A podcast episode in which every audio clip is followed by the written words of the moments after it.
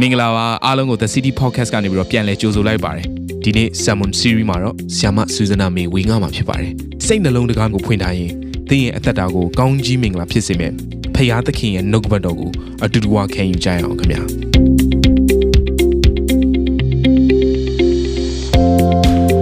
ဘုရားသခင်ရဲ့ကျေးဇူးတော်ကိုချီးမွမ်းပါတယ်ကျမတို့တပတ်ပြီးတပတ် တရက်ပြီးတရက်ဘုရားသခင်ကပို့ဆောင်လာတာဒီနေ့ဒီချိန်ထိတိုင်ပဲအသက်ရှင်ခွင့်ဘုရားသခင်ကပေးနေသေးတဲ့အတွက်ကြောင့်မလို့ထိုဘုရားသခင်ရဲ့နာမတာဝေဘုန်းကြီးပါစေဒီနေ့မှလည်းကျမချစ်ရတဲ့မိသားစုဝင်တယောက်ချင်းစီတိုင်း online ကနေပြီးတော့ကြည့်ရှုနေကြတဲ့အနေနဲ့ရရမှာရှိကြတဲ့မိသားစုဝင်တယောက်ချင်းစီတိုင်းကိုယေရှုနာမ၌ကောင်းချီးပေးပါတယ်။သင်ရှိတဲ့နေရာမှာဘုရားသခင်သင်ကိုစကားပြောပါစေတို့ထိပါစေအသက်တာထဲမှာလူတို့ကြံစည်မမိနိုင်တဲ့ဘုရားသခင်ရဲ့အသက်ရှင်ခြင်းနဲ့ဆိုင်တဲ့နှုတ်ကပတ်တော်ကိုတာ၍ရှင်းလင်းစွာခံစားရဖို့ရန်အတွက်ဒီညကနေပြီးတော့ကောင်းချီးပေးပါတယ်။အဲ့တော့ကျွန်မအရင်ဆုံး နှုတ်ကပတ်တော်ကိုခံယူဖို့အတွက်အသက်တာအသီးသီးကိုစက္ကန့်အနံစေခြင်းနဲ့နှလုံးသားအသီးသီးကိုပြင်ဆင်စေချင်ပါတယ်။ဒါကြောင့်မလို့အခုချိန်မှာအတူတူကစက္ကန့်အနံကြရအောင်။အသက်ရှင်သောဖရာကောင်းမြတ်သောဖရာသစ္စာရှိတော်မူသောဖခင်ဒီနေ့ကိုရောကိုသားသမီးတို့ဂုဏ်ပြုကြပါတယ်။နှလုံးသားအချင်းမဲ့နဲ့ကိုရဲ့နှုတ်ကပတ်တော်ကိုခံယူဖို့ရန်အတွက်ကိုရောအလိုတော်ကိုအသက်တာထဲမှာဆောင်ယူဖို့ရန်အတွက်ဒီနေ့ဤအရက်မှာသားသမီးတို့စုယုံကြပါတယ်။သားသမီးတို့တယောက်ချင်းဆောင်ကိုရောပြုပြင်ပါ။ တန်ရှင်သောဝိညာဉ်တော်ဖရာသားသမီးတို့တယောက်ချင်းဆောင်ကိုကိုရောတိုးထီတော်မူပါ။အသက်တာထဲမှာကိုရောမနစ်သက်သောအရာများကိုဖယ်ရှားလျက်ကိုရောနှစ်သက်သောအရာများကိုအသက်တာထဲမှာတာပြီးဖြည့်ပေးတော်မူပါအလိုတော်ဒီကောင်းကင်ဘုံ၌ပြည့်စုံတဲ့ကဲ့သို့မြေကြီးဖြစ်တဲ့သားမတို့တယောက်ချင်းဆိုင်အသက်တာထဲမှာပြည့်စုံပါမေအကြောင်းယေရှုနာမကိုအမိပြည့်၍နှုတ်ကပတ်တော်ကိုကြိုးဆိုလျက်အသက်တာအသီးသီးကိုစက္ကန့်အနှံကြပါれအဖမြတ်စွာဘုရားသခင်အာမင်အဲ့တော့ဒီနေ့မှာကျွန်မပြင်ဆင်ထားတဲ့နှုတ်ကပတ်တော်ရဲ့ခေါင်းစဉ်ကနိုင်ငံတော်ရဲ့ယဉ်ကျေးမှုလို့ခေါ်တယ် အဲ့တော့ကျွန်တော်တို့ဒီလောကမှာအသက်ရှင်တဲ့အခါမှာယဉ်ကျေးမှုအမျိုးမျိုးကိုတွေ့ရပါလိမ့်မယ်နိုင်ငံမတူရင်ယဉ်ကျေးမှုတောင်မှမတူကြအောင်ဒီလိုပဲကျမတို့ဒီလောကမှာအသက်ရှင်တဲ့အခါမှာယဉ်ကျေးမှုအမျိုးမျိုးကိုနော်လိုက်လျောညီထေစွာနေရတယ်လို့ပဲတစ်ဖက်မှာလည်းကောင်းကင်နိုင်ငံတော်နဲ့ဆိုင်တဲ့ယဉ်ကျေးမှုရှိတယ်ဆိုတဲ့အရာကိုယုံကြည်သူတွေမမေ့ဘူးရန်အတွက်လိုအပ်တယ်အဲ့တော့ကျမတို့ကဒီလောကမှာအသက်ရှင်နေရပေမဲ့ ကောင်းကင်နိုင်ငံတော်ရဲ့ယဉ်ကျေးမှုကိုမမေ့စေလိုဘူးလို့ကျမဘာပြောဘာလို့ပြောတယ်လဲဆိုရင်ဘုရားကပြောထားတဲ့ကျမ်းစာထဲမှာတစ်ချက်ရှိပါတယ်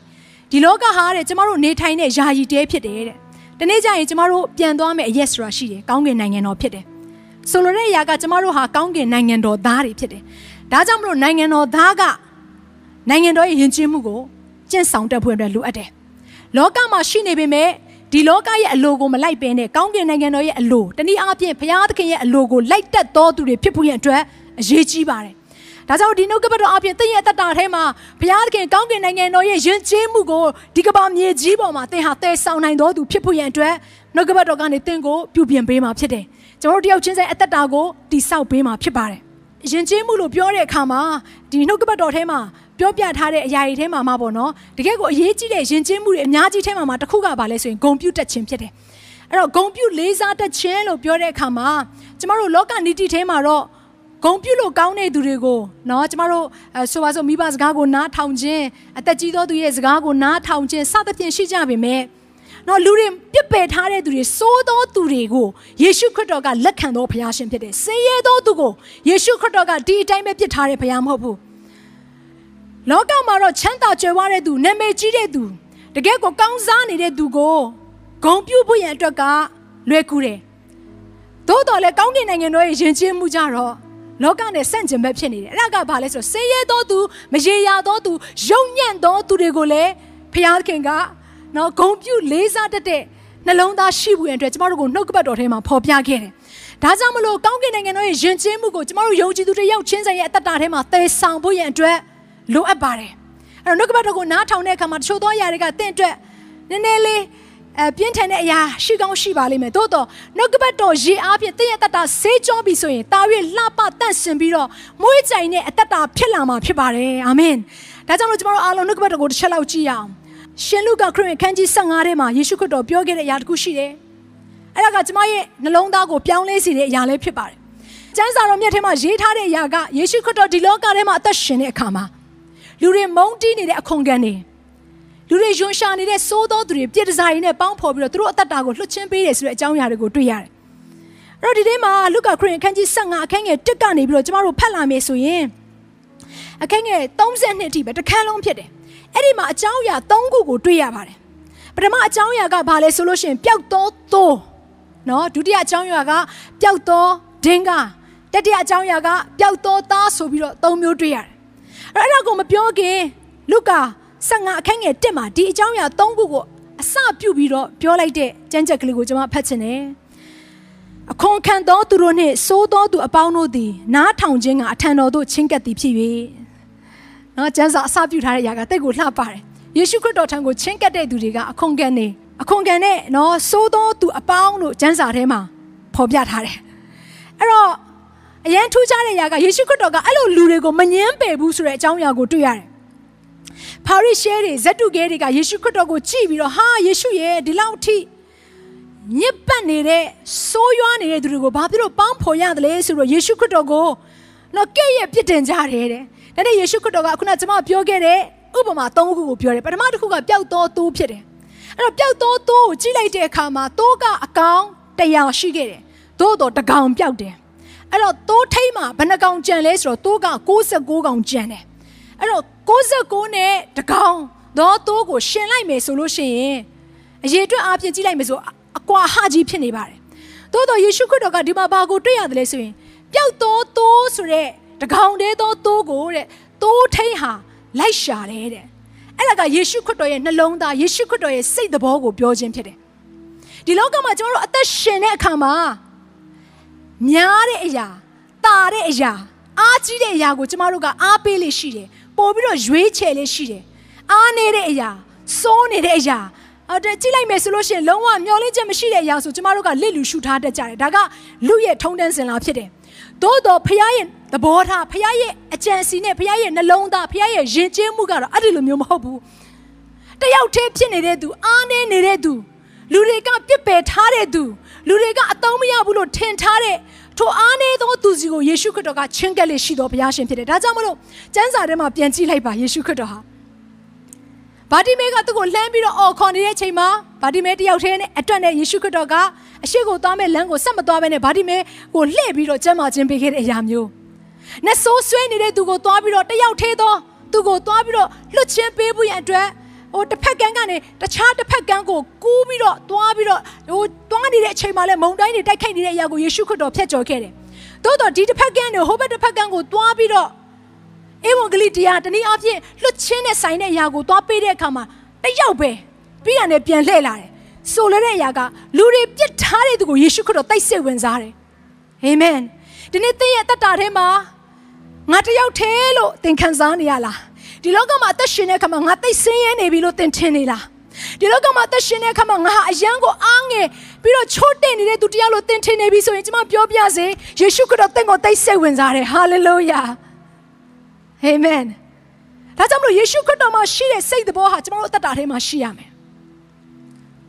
သင်ကိုသင်ကောင်းကြီးခံစားရတော့သူလို့သင်သက်တာထဲမှာသင်ကြွေးကြော်နေသလား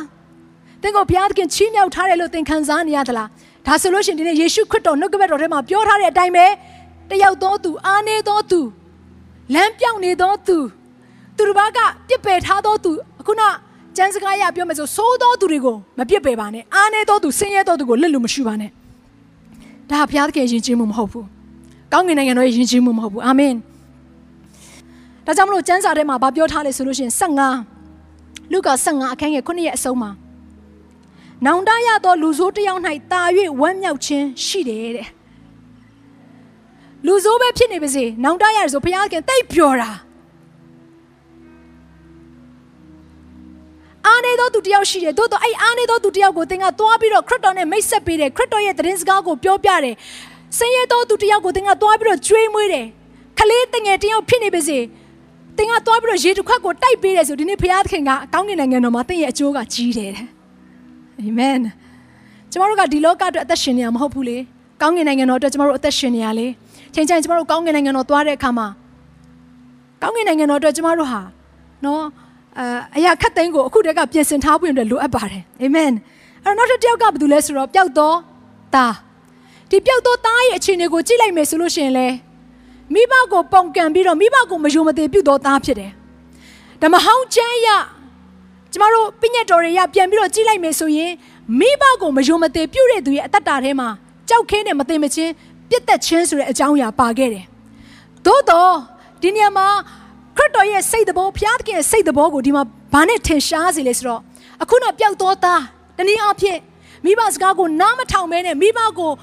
တော့တကယ်ကိုပုံကန်ပြီးတော့မိဘမသေးခင်အမွေတွေအားလုံးကိုယူပြီးတော့ထွက်သွားတဲ့ဒီသားကနေတဆင့်ခရစ်တော်ရဲ့စိတ်တဘောကိုမြင်ရတယ်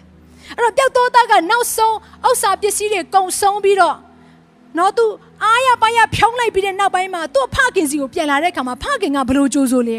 ပွေဖက်နန်းရှုပ်ပြီးတော့ကြိုးဆိုခဲ့တယ်မဟုတ်ဘူးလားဒီလောကရဲ့ထုံးတန်းစင်လာကိုပြန်ကြည့်ကြည့်လိုက်ပါဒီလောကမှာတော့မိဘစကားနားမထောင်ဘူးဆိုရင်တော့ဘာလုပ်လိုက်ကြလဲဆိုရင်တခါလေအမွေပြက်ကိုစွန့်လွတ်လိုက်တာငါမနစ်သက်တဲ့အမျိုးသမီးနဲ့အမျိုးသားနဲ့တင်ပေါင်းဖက်တယ်ဆိုရင် အမွေပြက်စွန့်လွတ်ခြင်းစသဖြင့်ကျမတို့ကြားဘူးကြပါတယ်အဲ့တော့ဒီလိုပဲ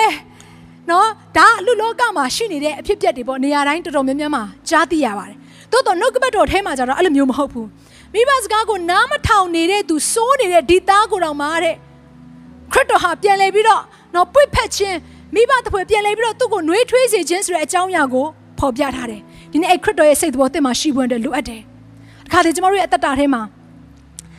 တွေ့ရတဲ့သူတွေက အာကျမတို့နောက်ဆုံးသားသမီးလေးဖြစ်နိုင်တယ်ကျမတို့ပုံမှာတိတ်ကိုစိုးသွမ်းနေတဲ့သားသမီးလေးဖြစ်ကောင်းဖြစ်နိုင်ပါတယ်တော်တော်တင်းရဲ့အသက်တာထဲမှာခရစ်တော်ရဲ့စိတ်တော်ရှိပြီဆိုရင်စိုးသောသားသမီးကိုလည်းချစ်နိုင်တဲ့နှလုံးသားတင်းရဲ့အသက်တာထဲမှာရှိလာလိမ့်မယ်အာမင်အဲ့ဒါကခရစ်တော်ရဲ့စိတ်တော်ဖြစ်တယ်တစ်ဖက်မှာကြည့်လိုက်တဲ့အခါမှာလည်းဘာကိုတွေ့ရတယ်လဲဆိုရင်တားကြီးတားကြီးကကြတော့အခုနတားငယ်အင်ကိုပြန်လာတဲ့အရာတားငယ်ကိုအဖေကနေပြီးတော့စူဖြိုးတဲ့နွားတငယ်လေးကိုတတ်ပြီးတော့ ပွဲလုပ်ပြီးတော့ကြိုဆိုတဲ့အရာကိုတားကြီးကမကြိုက်ဘူးတားကြီးကထိုရန်နဲ့ပတ်သက်ပြီးတော့ပြင်းပြင်းထန်ထန်သူ့အဖေကိုသွားပြီးတော့ပြောတယ်အဖေရဲ့ကျွန်တော်ကတော့အမြဲတမ်းရှိနေတာဘာဖြစ်လို့အဖေကကျွန်တော်ကိုဒီလိုမျိုးပွဲလေးမလုပ်ပေးတာလဲဆိုပြီးတော့သူ့အဖေကိုသွားပြီးတော့ပြစ်တင်တယ်အဲ့အကိုကြီးနဲ့ဆိုင်တဲ့စိတ်တဘောဟာဒါကောင်းကင်နိုင်ငံတော်ရဲ့ယဉ်ကျေးမှုမဟုတ်ဘူးကောင်းကင်နိုင်ငံတော်ဆိုတဲ့အရာကလေကျွန်မမြင်အောင်ကြည့်ပါတယ်ကောင်းကင်နိုင်ငံတော်မှာအဆင့်တန်းခွဲခြားတာ အာကျမကတော့ဟိုအဲ့လိုရှိနေမယ်မထင်ဘူးကဲလောကမှာဆင်းရဲခဲ့တဲ့သူတွေဆင်းရဲတဲ့နော်နေရာမှာတက်တက်နေကြလောကမှာချမ်းသာတဲ့သူတွေကောင်းကင်နိုင်ငံတော်ရောက်လို့ရှိရင်တော့ချမ်းသာတဲ့နေရာမှာနေဆိုပြီးတော့ကောင်းကင်နိုင်ငံတော်မှာအဲ့ဒီလိုခွဲထားမယ်လို့တော့ကျမမထင်ဘူးကောင်းကင်နိုင်ငံတော်မှာနော်ရှိတဲ့အရာကတော့လူတိုင်းတယောက်နဲ့တယောက်ရိုသေလေးစားခြင်းဘုရားသခင်ကိုကြောက်ရွံ့ခြင်းနဲ့ဘုရားသခင်ကိုဂုဏ်ပြုတတ်ခြင်းဆိုတဲ့ယဉ်ကျေးမှုပဲရှိနေပါလိမ့်မယ်ဒါကြောင့်မလို့ဟေရှာယထဲမှာဗာပြောထားလဲဆိုလို့ရှိရင် ဟေရှာနာဂတိကျမ်းအခန်းကြီး58အခန်းငယ်6မှာစပြီးတော့ဖတ်လိုက်မယ်ဆိုရင်ငါနှစ်သက်သောအစာရှောင်ခြင်းဟုမူကားမတရားသောအချီနှောင်တို့ကိုချွတ်ခြင်းလေးသောဝန်ကိုချခြင်းညှင်းဆဲခံရသောသူတို့ကိုလွတ်ခြင်းတဘိုးရှိသမျှကိုချိုးခြင်းမဟုတ်လောမတ်တိတ်သောသူကိုအစာကျွေးခြင်းနေရာမရှိဆင်းရဲသောသူတို့ကိုကိုအိမ်သို့ဆောင်ခြင်းအဝတ်မရှိသောသူကိုမြင်လျင်အဝတ်ကိုပေးခြင်း ကိုအသားကိုမရှောင်ဘဲနေခြင်းမဟုတ်လောဒီနေ့အဲ့ဒါကခရစ်တော်ရဲ့ယဉ်ကျေးမှုဖြစ်တယ်ဒါကြောင့်မလို့ဒီနေ့ဘာပြောထားလဲဆိုရင်ဆင်းရဲတဲ့သူ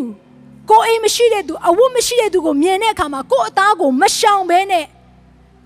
သူတို့နဲ့ပေါင်းဖို့ဖို့ရန်အတွက်သူတို့ကိုပေးကမ်းဖို့ရန်အတွက်သူတို့ကိုကျွေးမွေးဖို့ရန်အတွက်သူတို့ကိုတနာဖို့ရန်အတွက်ဒီနေ့ဘုရားရှင်ကပြောနေခြင်းဖြစ်တယ်တရားကလွယ်လားဆိုတော့မလွယ်ဘူးဒါပေမဲ့အဲ့ဒီမလွယ်ခြင်းကနော် ဟိုဘုရားခင်ကဘာနဲ့ရှင်ပြထားလဲဆိုရင်လောကမှာအခုသင်တို့အစာရှောင်ကြတယ်တနည်းအားဖြင့်ဥပုသ်ဆောင်ကြတယ်ပေါ့အစာတွေရှောင်ကြတယ်အစာဘလောက်ပဲရှောင်ရှောင်ဘလောက်ပဲကိုကိုကိုချိုးကြံစွာကျင့်နေပါစေကိုအနားမှာရှိတဲ့သူကိုတနာညာတာခြင်းဂယုဏစိတ်မရှိခြင်းသူတို့ကိုမလေးစားခြင်းစသဖြင့်ဒီຢာတွေအားလုံးဟာတဲ့ဘုရားရဲ့အရှိမနော်တကယ်ကိုမုန်းတိစရာယွန်ရှာစရာဖြစ်တယ်တဲ့တ င်မတင်ဖခင်ရဲ့ရှင်မှာဘလောက်ပဲဥပုပ်ဆောင်နိုင်ပါစေဘလောက်ပဲတင့်နေတဲ့အစာတွေရှောင်နိုင်ပါစေဘလောက်ပဲနော်တင့်နေတဲ့ဖခင်တရားတွေလုံနေပါစေဆင်းရဲသောသူကိုလှည့်မကြည့်ခြင်းဆင်းရဲသောသူကိုလက်လူရှုခြင်းဟာဘုရားသခင်မနစ်သက်တဲ့အရာတစ်ခုဖြစ်တယ်။ဒါကြောင့်မလို့ပြင်ဆင်စေခြင်းတယ်။တနေ့ကျတော့ကျွန်မမှတ်မိသေးတယ်။ကျွန်မဘုရားကျောင်းကိုသွားတယ်ဘုရားကျောင်းကိုသွားတဲ့အခါမှာအဲ့တုန်းကအရန်မိုးရွာတယ်။တော်တော်လေးကိုမိုးရွာတယ်ကျွန်တော်တို့အဲ့တုန်းကနော် အာမိုးမိုးရွာတဲ့အခါမှာအင်ဂျီအပိုလေးတွေထည့်သွားတယ်။တိုးတော့အင်ဂျီအပိုကကားရဲ့အနောက်ဖုံးမှာဖြစ်နေတယ်။အဲ့တော့အဲ့မီးပွိုင်းတစ်ပွိုင်းကိုရောက်တဲ့အခါမှာအာကျွန်မအမှတ်တာမမဟုတ်ဆိုလို့ရှိရင်ဒီမြောက်ကလာမီးပွိုင်းဖြစ်လိမ့်မယ်။အဲ့မီးပွိုင်းကိုရောက်တဲ့အခါမှာသမီးငယ်လေးတစ်ယောက်ပေါ့နော်တန်ကုန်ရှင်ရှင်းနှစ်လောက်ပဲရှိမယ်။အဲ့သမီးငယ်လေးကသူ့မောင်လေးကိုချီလာတယ်။ကလေးလေးကအိတ်နေတယ်။ ကကလေးကအိတ်နေတာကဒီလောက်မိုးကအသေးအတန်ရွာနေတာမှအိတ်နေတယ်ဆိုတော့ဟိုစဉ်းစားကြည့်လိုက်ရင်တခုခုများကလေးကိုတိုက်ထားသလားပေါ့နော်ဆေးများပါများကျွေးပြီးတော့လှုပ်ထားသလားလို့ကျမတို့စဉ်းစားမိသေးတယ်ဟုတ်ချင်းလဲဟုတ်နိုင်တယ်မဟုတ်ချင်းလဲမဟုတ်နိုင်ဘူးပေါ့နော်ကဲဘယ်လိုပဲဖြစ်နေပါစေမိုးအသေးအတန်ရွာနေတဲ့အချိန်မှာကလေးလေးကကားဘေးနားကိုလာပြီးတော့သူရမ်းဖိုက်စားတယ်လို့သူပြောတယ်ဖြစ်ချင်တော့ကျမထိုင်နေတဲ့ဘက်ကိုအဲ့ဒီသမီးလေးကသူ့မောင်လေးကိုခြီးပြီးတော့လာတာမိုးကလည်းရမ်းဆူရွှဲနေတဲ့အခါမှာ ကျမအထဲထဲမှာရှိတဲ့တနာကျင်နာခြင်းစိတ်ကိုကျမတားလို့မရအောင်ဒါနဲ့ကျမအနောက်ကိုလှမ်းပြီးတော့ကြည့်လိုက်တဲ့အခါမှာအနောက်ဖုံးကိုဖွင့်ပြီးတော့မှပဲကလေးအတွက်အင်ဂျီယူပေးလို့ရမှာဖြစ်နေတော့အဆင်မပြေဘူးအဲ့တော့အဲ့ခုနကလေးလေးကလည်းကျမရဲ့သားအသက်အရွယ်နဲ့မတိမ်မရင်ပေါ့နော်အဲ့အဲ့အချိန်တော့သူသားတွေအင်ဂျီသမီးတွေအင်ဂျီကိုဝင်တော်နိုင်တဲ့အရွယ်လေးဒါနဲ့ကျမဘာလုပ်လဲဆိုတော့ကျမသားတွေစီကိုလှည့်ကြည့်လိုက်တဲ့ချက်ပဲနင်တို့အင်ဂျီချွတ်ကြလို့ သူတို့လည်းသဘောပေါက်တယ်သိလားချက်ချင်းပဲသူတို့အင်ဂျီကိုချွတ်လိုက်တယ်အဲ့တော့အင်ဂျီအပေါ်ကအနောက်ထဲမှာဖြစ်နေတယ်အဲအဲ့တော့အစင်မပြေဘူးသွားယူဝင်အတွက်ဒီဒီမှာရှိတဲ့သမီးလေးကအရန်ရေဆိုပြီးတော့ဘိုက်ကလည်းအရန်စာနေတဲ့အရာကိုကျွန်မမြင်တဲ့ကတို့အင်ဂျီချွတ်ကြပြီးတော့သူတို့မုတ်တွေကိုကျွန်မယူတယ်အခုနအင်ဂျီတွေကိုကျွန်မယူတယ်ယူပြီးတော့အဲသူတို့ပြောတယ်ဖះเจ้าရောက်မှပဲနေနေတို့အင်ဂျီပြန်ဝတ်ကြနော်အခုကတော့မမီအေးကွန်ပိတ်ထားပေးမယ်ကားထဲမှာဟုတ်ကဲ့ဟုတ်ကဲ့ဆိုသူတို့နားထောင်ကြတယ် ဒါနဲ့အင်ဂျီကိုကျွန်မယူပြီးတော့မိုးရေကလည်းအရန်ရွာနေတဲ့အခါမှာဘေးနားမှာရှိတဲ့အသင့်ရှိထားတဲ့ထီးကိုကျွန်မယူပြီးတော့ထီးနဲ့အုပ်ပြီးတော့မုတ်တွေကအဲ့အင်ဂျီကိုခလေးကိုပေးတဲ့အခါမှာအဲ့သမီးလေးကကျွန်မကိုကြောင်ကြည့်ပြီးတော့မျက်ရည်ကလဲကလဲလေးနဲ့ဒီတိုင်းလေးပဲကျွန်မကိုကြောင်ကြည့်နေတဲ့အရာကိုကျွန်မမြင်တာပေါ့နော်ဆိုတော့ဟိုကျွန်မစိတ်ထဲမှာဘာသဘောပေါက်လိုက်လဲဆိုတော့အော်ဒီသမီးလေးကတကယ့်ကိုမေတ္တာခံစားသွားရတယ်အထဲထဲမှာ တခြားသူတွေမပေးတဲ့ခံစားချက်ကြီးတခြားသူတွေမပေးတဲ့နှွေးထွေးမှုကြီးကိုသူရသွားတယ်ဆိုတဲ့အရာကိုဟိုကျွန်မနားလဲသွားတယ်ဆိုတော့ဒီလိုမျိုးကလေးလေးတွေကျမတို့လမ်းပေါ်မှာအများကြီးရှိတယ်အဲ့လိုပြောလိုက်တဲ့အခါမှာကျမတို့ကလေးတိုင်းကိုလိုက်ပြီးတော့အာနော်ကုညီပေးဖို့ရန်အတွက်အများနဲ့ပြင်ဆင်နေရမှာလားဒါဆိုစင်ရသောသူတွေကိုအများအများကြီးလိုက်ပေးမယ်ဆိုရင်ကျွန်တော်တို့အိမ်မှာစားကြရအောင်ရှိတော့မှာမဟုတ်ဘူးလို့သင်ပြောကောင်းပြောပါလိမ့်မယ်ဒါပေမဲ့ကျမဒါလေးကိုတစ်ချက်နားလေစေချင်တယ်တင်းနှလုံးသားထဲမှာ တနာကျင်နာစိတ်ဂယုနာပေါ်လာပြီဆိုရင်အဲ့ရအောင်မချုပ်တီးပါနဲ့ဘယ်တော့မှမချုပ်တီးပါနဲ့အဲ့ဒါကခရစ်တော်ရဲ့စိတ်သဘောဖြစ်တယ်နောက်ထပ်အဖြစ်အပျက်လေးတစ်ခုကိုအာကျွန်မမှတ်မိသေးတယ်အဲ့ဒါကဘာမှလဲဆိုရင်ကျွန်မစင်ကာပူနိုင်ငံမှာကျွန်မခင်မွန်းတယ်နဲ့အတူတူကအမှုတော်ဆောင်ခဲ့တဲ့အချိန်ကာလဖြစ်တယ်ဆိုတော့ဒီချိန်တုန်းကကျွန်မတို့အမှုတော်ဆောင်တဲ့အခါမှာစင်ကာပူနိုင်ငံလို့ပြောတဲ့အတိုင်းပဲเนาะ ကျမတို့မြန်မာတွေရွှေမြန်မာတွေတိတ်ပေါ်တဲ့နေရာပေါ့နော်ဒါပေမဲ့လည်းကျမတို့အသင်းတော်ကိုအစပြုတဲ့အခါမှာဘသူတွေကိုအရင်ဆုံးစတင်အစီခံရမလဲအမှုတော်ဆောင်ရမလဲလို့ကျမတို့စဉ်းစားတဲ့အခါမှာကျမနှလုံးသားထဲမှာအရင်ဆုံးပေါ်လာတဲ့သူကအိမ်မှာအလုပ်လုပ်နေတဲ့သမီးလေးတွေညီမလေးတွေအတွက်ဖြစ်တယ်ဆိုတော့ကျမအနေနဲ့အာတကယ်ကိုစင်ကာပူမှာနေထိုင်တဲ့ PR တွေရထားတဲ့သူတွေကိုအမြောက်အများကိုလိုက်ချင်းကပ်လို့ရတယ်လို့ citizenship အထိရထားတဲ့မြန်မာတွေကိုချင်းကပ်လို့ရပါတယ်နာမည်ကြီးတဲ့ပုံကိုယ်တွေနော်ကျွန်မသိပါတယ်သို့တော့ကျွန်မနှလုံးသားထဲမှာသူတို့အတွက်ဝန်တာထက်ပေါ့နော်တကယ်ပထမဦးဆုံးဝန်တာရှိတဲ့ຢာကအဲ့ဒီသူတစ်ပါးတွေတိတ်မကြည့်ရှုခြင်းနဲ့လက်လူရှုထားတဲ့မြန်မာနိုင်ငံကနေပြီးတော့တွားရောက်ပြီးတော့အလုလုကင်ကြတဲ့အိမ်တွင်းမှုအလုသမလေးတွေဖြစ်တယ်အဲ့တော့ကျွန်မနှလုံးသားထဲမှာသူတို့ကိုမြင်မခံစားနိုင်ဘူး လမ်းဘေးနားမှာသူတို့ကထိုင်ပြီးတော့ငိုနေပြီးဆိုရင်ကျမသူတို့ဘေးနားကိုသွားတယ်သူတို့လက်ကိုကင်တယ်သူတို့ကိုဆွတ်တောင်းပေးတယ်သူတို့ကိုအားပေးတယ်တစ်ဖက်မှာလည်းကျမကလေးကလေးတိုးလို့တွဲလောင်းနေပါအဲ့တော့ကလေးသားနှစ်ယောက်ရှိပြီဆိုတော့ကျမဘာလုပ်လဲဆိုသူတို့သူတို့တွေကိုကျမအားပေးတယ်လိုအပ်တယ်ဆိုရင်ကျမကိုဖုန်းဆက်အကူအညီတောင်းဖို့ကအစသူတို့အာတက်နိုင်သမျှပေါ့နော်အစားတောက်လို့ရင်အစားတောက်စသဖြင့်ကျမကပေးပြီးတော့သူတို့ကိုအမြဲတမ်းလို့လို့အာသူတို့ကိုအစေခံခဲ့တဲ့အခြေအနေရှိခဲ့တယ်ဟာတ ချို့သောသူတွေကကျမကိုပြောကြပါတယ်ဟာဆူဇန်နာမင်းကနာမည်ကြီးတဲ့ပုံကိုယ်တွေအစိုးရတွေရုပ်ရှင်မင်းသမီးတွေကိုပဲပေါင်းကျင်တယ်လို့ပြောကောင်းပြောပါလိမ့်မယ်ဟာသူတို့တွေနဲ့ပဲအစေခံကျင်တယ်လို့ထင်ကောင်းထင်ပါလိမ့်မယ်ဒီဘုရားသခင်ဟာတော့ကျမနှလုံးသားထဲမှာတကယ်အဓိကထည့်ထားပေးတဲ့အရာကသူတို့ဘာဂယုမဆိုင်ချင်တဲ့သူတွေကိုကျမဂယုဆိုင်ခြင်းဖြစ်တယ် အဲ့ဒီအခုကျမအခုလက်ရှိမှာတော့နာမည်ကြီးတဲ့သူတွေအာကျမဘေးနားမှာအများအမြောက်အများရှိကြပါတယ်ဆိုတော့သူတို့ကိုကြည့်ရှုရခြင်းအကြောင်းအရာကလည်းတခြားပြန်ပြီးတော့ဟိုဒါပုံမှန်လင်းလင်းပြောပြတာပါဆန်းစစ်ကြည့်လိုက်မယ်ဆိုရင်သူတို့ကိုကျမဝိညာဉ်မိုင်းဆန်မှာအရင်ဆင်းရဲသောသူတွေဖြစ်တဲ့အရာတွေကိုကျမမြင်တဲ့အခါမှာကျမမနေနိုင်ဘူးဒါကြောင့်မလို့သူတို့ကိုစတင်ပြီးတော့เนาะဒီဒီ ဒီအမှုပညာလောကမှာရှိတဲ့သားသမီးတွေကိုစတင်ပြီးတော့ကြည့်ရှုဖို့ရတဲ့ကျွန်မဆုံးဖြတ်ချက်ချခြင်းဖြစ်တယ်။သို့တော့ အဲ့ဒီဆုံးဖြတ်ချက်မလာခင်ကျွန်မရဲ့ပထမအဦးဆုံးဆုံးဖြတ်ချက်ကျွန်မရဲ့နှလုံးသားဆန္ဒကျွန်မနှလုံးသားထဲမှာရှိတဲ့တကယ်စစ်မှန်တဲ့အရာကလူတွေပြစ်ထားတဲ့သူကိုကျွန်မသိစိတ်ဝင်စားတယ်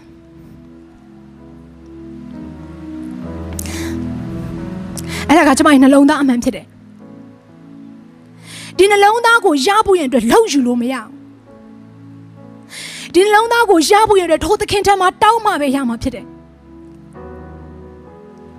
လူတွေမလေးစားတဲ့သူလူတွေပြစ်ပယ်ထားတဲ့သူတွေကိုချစ်နိုင်ဖို့ဆိုတဲ့အရာကခရစ်တော်ရဲ့စိတ်တော်ရှိမှရမယ်ခရစ်တော်ရဲ့စိတ်တော်ရရှိဖို့ရတဲ့ထိုခရစ်တော်နဲ့အစဉ်မြဲချိတ်ဆက်ထားဖို့ရတဲ့လိုအပ်တယ်ထိုခရစ်တော်နဲ့အစဉ်မြဲချိတ်ဆက်ထားပြီဆိုထိုခရစ်တော်ရဲ့စိတ်တော်ဟာကျမတို့အသက်တာထဲမှာရောက်ရှိလာလိမ့်မယ်အာမင်ဒါကြောင့်တည့်ရဲ့အသက်တာထဲမှာသူတို့ဘာပြစ်ထားတဲ့သူတွေကိုစတင်ပြီးတော့ကြည့်ရှုဖို့နဲ့ကျွန်မအားပေးခြင်းတယ် ပြီးခဲ့တဲ့နှစ်ရက်ကလည်းကျွန်မဘယ်ကိုသွားပြစ်လဲဆိုရင်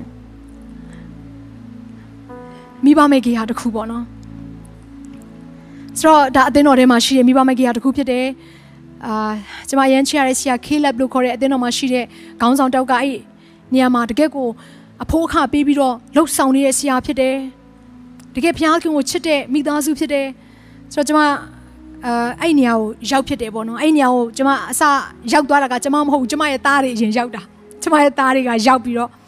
ကျွန်မကိုအယုံဆုံးပြန်လာ sharing လုပ်တယ်ဘာလို့ဆိုကျွန်မအဲ့နေ့ကမအားလို့မသွားဖြစ်ဘူးဒါနဲ့ကျွန်မသားတွေကပြန်လာတဲ့အခါမှာသူတို့ကအရင်ရောက်သွားတာပေါ့နော်လွန်ခဲ့တဲ့နှစ်နှစ်လောက်ကရောက်သွားတဲ့အခါမှာဘာပြောလဲဆိုတော့မမီရဲ့သားအရန်တနာတာပဲသူတို့မိဘတွေမရှိတော့ဘူးဝတ်စရာအင်ဂျီလည်းမရှိဘူးခဲတံလည်းမရှိဘူးစာအုပ်လည်းကောင်းကောင်းမရှိဘူး စားတဲ့အခါမှာထမင်းအဖြူပဲစားရတယ်တချို့သောနေ့တွေမှာသူတို့မှာနော်စားစရာမရှိလို့ဆွတောင်းပြီးတော့စောင့်နေရတယ်ဆိုတဲ့အကြောင်းအရာတွေကိုပြောပြီးတော့ကျမသားကငိုတာငိုတာအဲ့တော့ तू ကဘာလုပ်လဲဆိုလို့ရှိရင် तू မုတ်ဖိုးလေးတွေကိုနော်မုတ်ဖိုးလေးတွေကိုစုထားတယ်ကျမတို့ကလည်းတုံတုံမုတ်ဖိုးမပေးဘူး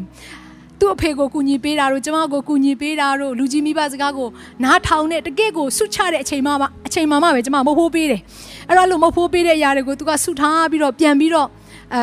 မိမိအာဘယ်လိုခေါ်မလဲဒီကလေးရိတ်မြုံမှာပေါ့နော်မိဘမရှိတဲ့သူတွေကိုတွားပြီးတော့သူကအာပေးကန်တက်တဲ့သားလေးလည်းဖြစ်တယ်ဆိုတော့ကျွန်မပြောချင်တဲ့အရာကသားကအရင်ဦးဆုံးနော်ကျွန်မကိုလာပြောပြတာသူတွားခဲ့တဲ့အဖြစ်အပျက်ကိုပြောပြတော့ကျွန်မလည်းလွန်ခဲ့တဲ့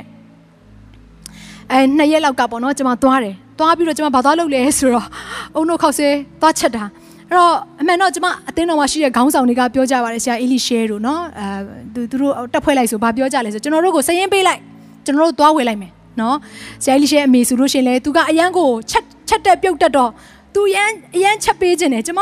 ကိုပင်မမှာဆိုလို့လာတော့မသိပါဘူးသို့တော့ကျမကအဲ့လိုချက်ယုံမဟုတ်ဘူးကိုကိုရိုင်းဈေးသွားဝယ်ပြီးတော့အထောက်ထမ်းခြင်းတယ်အထောက်မခြင်းတယ်နော်ကိုကိုရိုင်းငွေကြေးကိုသုံးခြင်းတယ်ပြီးရင်အာကိုကိုရိုင်းသွားပြီးတော့ချက်ပြုတ်ပြီးတော့သူတို့ကိုကျွေးမွေးခြင်းတယ်အဲ့အဲ့လာကကျမရဲ့နှလုံးသားဝယ်ပြီးတော့ကျွေးလိုက်လေရတယ်လေဒါပေမဲ့မတူဘူးနော်အထဲထဲကနေတကယ့်ကိုကိုခွန်အားနဲ့ကိုယ့်ရဲ့နှလုံးသားထဲက ထွက်လာတဲ့မေတ္တာကိုဖော်ပြတဲ့အရာကိုကျွန်မကပို့ပြီးတော့နှစ်သက်တယ်ကျွန်မရဲ့အစေခံခြင်းနဲ့ပတ်သက်တဲ့အရာကိုကျွန်မပို့ပြီးတော့နှစ်သက်တာပေါ့နော်ဒါနဲ့ကျွန်မလို့သွားပြီးတော့ကလေးတွေကိုကျွေးမွေးပြီးတော့ပြုစုတဲ့ကမှာအာအဲ့ထဲမှာရှိတဲ့ကလေးတယောက်ကသူပြောပြပြတာပေါ့နော်ဒီနေ့မနေ့မှာကျွန်တော်တို့ထမင်းဖြူပဲစားရတယ်ဖခင်ရဲ့ကျေးဇူးတော်ကိုချီးမွမ်းပါတယ်အခုတော့အများကြီးစားရတော့မယ်ဘုရားခင်ကျွန်တော်တို့ကိုကျွေးမွေးတဲ့အတွက်ဘုရားကိုကျေးဇူးတင်တယ်လို့လာရောက်ချက်ပြုတ်ပြီးတဲ့ဆရာမကိုကျေးဇူးတင်ပါတယ်ဆိုပြီးတော့သူတို့ပြောတဲ့အခါမှာ မျက်ရည်လေးတွေကလဲကလဲနဲ့ကျွန်မစိတ်ထဲမှာလေအရန်ဟိုပို့ပြီးတော့သူတို့ကိုချစ်တဲ့စိတ်ကပိုများလာတယ်နောက်ထပ်ထပ်ပြီးတော့သွားပြီးတော့နောက်ထပ်ဟိုဟိုသူတို့အထဲထဲမှာလိုအပ်နေတဲ့အရာကိုဖြည့်ပေးဖို့နဲ့ကျွန်မပြင်ဆင်တယ်တစ်ဖက်မှာလည်းကျွန်မကဘာလုပ်ထားလဲဆိုကျွန်တော်တို့ left life lead ဆိုတဲ့အင်ဂျီတွေ t-shirt တွေအားလုံးကိုကျွန်မကယူသွားပြီးတော့ကလေးငယ်တွေကိုလက်ဆောင်ပေးတဲ့ကမှာကလေးငယ်တွေအရှမ်းပျော်ကြတယ် သူတို့မှအင်ဂျီအစ်စ်မိုးရတာကြာပြီတဲ့တချို့တွေဆိုလာပြောကြတယ်အင်ဂျီအစ်စ်မိုးရတာကြာပြီတဲ့အခုတော့အစ်စ်အစ်စ်ချွတ်ချွတ်ကိုဝတ်ရပြီတခါတလေဆိုရင်တော့သူများပေးတဲ့အဟောင်းတယ်လေးတွေဝတ်ရအခုတော့အစ်စ်ချွတ်ချွတ်ကိုဝတ်ရပြီသူတို့အရန်ပြောကြတယ်ဆိုတော့ကျွန်မပြောချင်တဲ့အရာကလောကမှာရှိတဲ့နာမည်ကြီးပုံကိုယ်တွေချမ်းသာကြွယ်ဝတဲ့သူတွေကိုကျမတို့လေးစားတတ်တယ်ဆိုပေမဲ့ခရစ်တော်ရဲ့စိတ်တော်ကတော့ ဆင်းရဲနေတဲ့သူနှုံချနေတဲ့သူသူတို့ဘာမကြည့်ရှုတဲ့သူပြစ်ထားတဲ့သူတွေကိုတွားရောက်ပြီးတော့ကြည့်ရှုဖို့အတွက်ဖြစ်တယ်ခုနမိဘရဲ့ကလေးတွေထဲမှာဟဟိုတချို့ဆိုရင်မိဘကမဆုံးသေးပါဘူးဒီတိုင်းဖြစ်သွားတဲ့မိဘတွေလည်းရှိပါနော်ရှိတယ်အဲ့တော့အဲ့ကလေးတွေကမိဘရှိရင်လည်းမိဘမဲ့ဖြစ်နေတာဆိုတော့ကျွန်မဆိုလိုချင်တဲ့အရာကသူတို့ဘာပြစ်ထားတဲ့သူတွေကိုစတင်ပြီးတော့ကြည့်ရှုဖို့ရန်အတွက်သင်ရဲ့နှလုံးသားကိုပြင်ဆင်စေခြင်းတယ်အာမင်အဲ့ဒါကခရစ်တော်ရဲ့နှလုံးသားဖြစ်တယ်ထိုသခင်နည်းတူချစ်မာတဲ့ ထိုသခင်ကဲ့သို့သောနှလုံးသားရှိဖို့နဲ့ကျွန်တော်တို့ပြင်ဆင်ဖို့ရတဲ့ဖြစ်တယ်အာမင်နောက်တစ်ခုအဲ့ဒါကဘာလဲဆိုလို့ရှင်အေဖက်ခန်းကြီး6ထဲမှာပြောပြထားတဲ့အရာတစ်ခုဖြစ်တယ်အဲ့တော့ဒီကျမ်းချက်ကလေးကိုကျွန်တော်တို့အားလုံးသိကြမှာပါအခန်းငယ်1ကနေ9အထိဖတ်လိုက်မယ်ဆိုရင်အဲ့မှာ तू ပြောထားတဲ့အရာကတတစ်ချက်မိဘကိုယိုသေးစွာပြုရမယ်မိဘကိုယိုသေးစွာပြုခြင်းဟာအာပြီးတော့မှကောင်းကြီးခံစားမယ့်အရာဖြစ်တယ်ဆိုပြီးတော့ နော်သူကပြောထားတယ်ပြီးဒုတိယတစ်ချက်အနေနဲ့အစေခံကျွန်းနဲ့ဆိုင်တဲ့အရာတွေသခင်နဲ့ဆိုင်တဲ့အရာတွေစသဖြင့်သူပြောထားတဲ့အရာလေးရှိတယ်အဲ့တော့ပထမဆုံးတစ်ချက်ကဘာလဲဆိုလို့ရှိရင်မိဘကိုယိုသေးခြင်းအဲ့တော့မိဘကိုယိုသေးခြင်းလို့ပြောတဲ့အခါမှာထွက်မြောက်ကြံခန်းကြီး20ကိုကြည့်လိုက်လို့ရှိရင်ပြည့်ညတ်တော်10ပါးရှိတယ်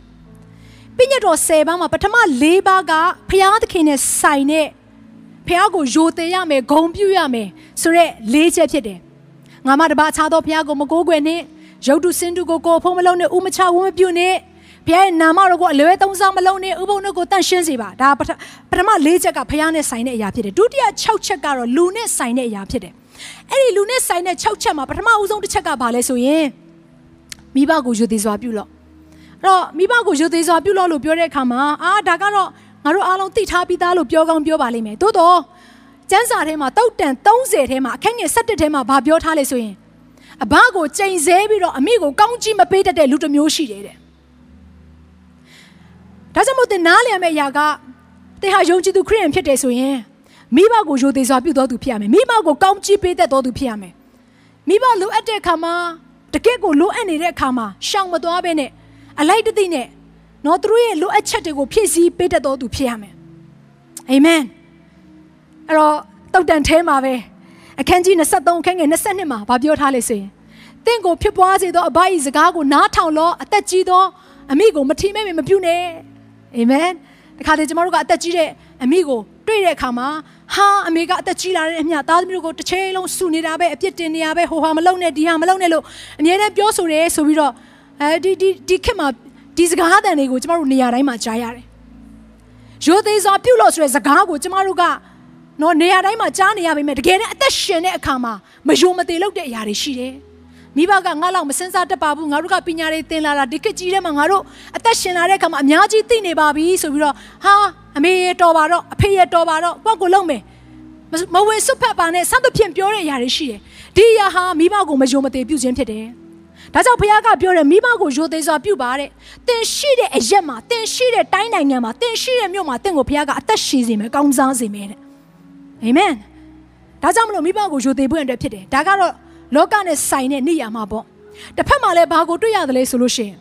ဝိညာဉ်နဲ့ဆိုင်တဲ့မိဘဆိုတာရှိတယ်။ဝိညာဉ်မှာကျမတို့ကျမ်းစာထဲမှာဖော်ပြထားတဲ့အရာက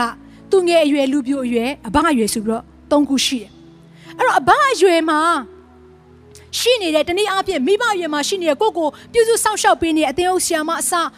ဆဲလီဒါတွေမှာအစကိုယ့်ရဲ့ခေါင်းဆောင်နေဆိုတာဘုရားသခင်ခွဲခန့်ထားပေးတဲ့သူတွေရှိတယ်။ထို့သူတွေရဲ့စကားကိုလည်းနားထောင်ဖို့ရန်အတွက်လိုအပ်တယ်။စကားနားမထောင်ခြင်းကပုံကန်ခြင်းဖြစ်တယ်လို့ကျမ်းစာထဲမှာဖော်ပြထားတယ်။အဲ့ဒါကိုနော်ကျမတို့နှုတ်ကပတ်တော်ထဲမှာကြည့်တဲ့အခါမှာဘာမှတွေ့ရတယ်လဲဆိုရင်တောလျာကျမ်းထဲမှာတွေ့ရတယ်နော်အဲ့တော့တောလျာ၁၂ထဲမှာမောရှေကနေပြီးတော့နော်သူဘာလုပ်ခဲ့တယ်လဲဆိုကုရှာအမျိုးသမီးတနည်းအားဖြင့်အီသီယိုးပီးယားအမျိုးသမီးနဲ့သူကစုံဖက်တယ် အမှန်တော့အဲ့ဒါမတိုင်ခင်မောရှေကဘာပြောခဲ့တယ်လဲဆိုရင်ဖခင်ရဲ့ပြည့်ညတ်တော်အတိုင်း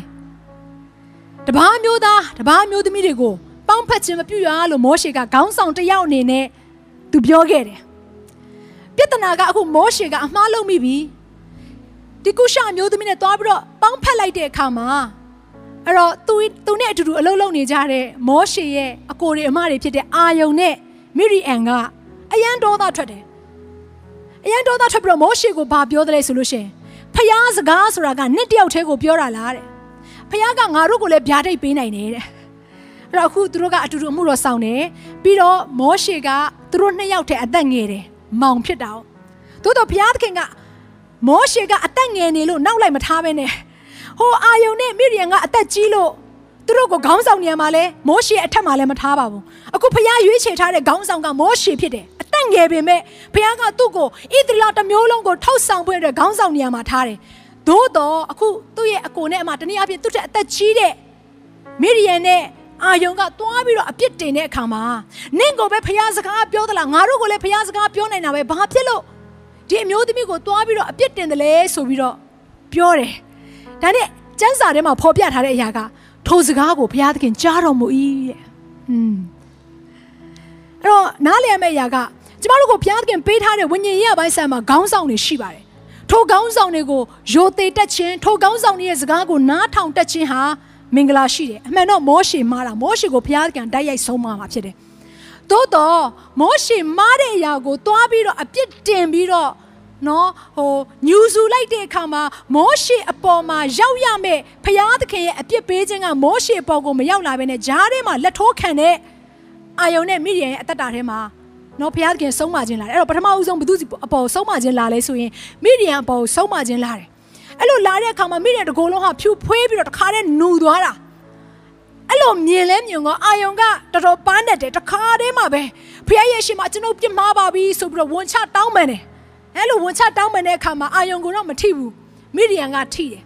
အမိရီယန်ထိပြီးတော့ဘာလုပ်ရလဲဆိုတော့တက်ပြင်မှာတဲ့ခုနှစ်ရက်ပတ်လုံးခုနှစ်ရက်ပတ်လုံးတက်ပြင်မှာနေရတယ်နူနေရအောင်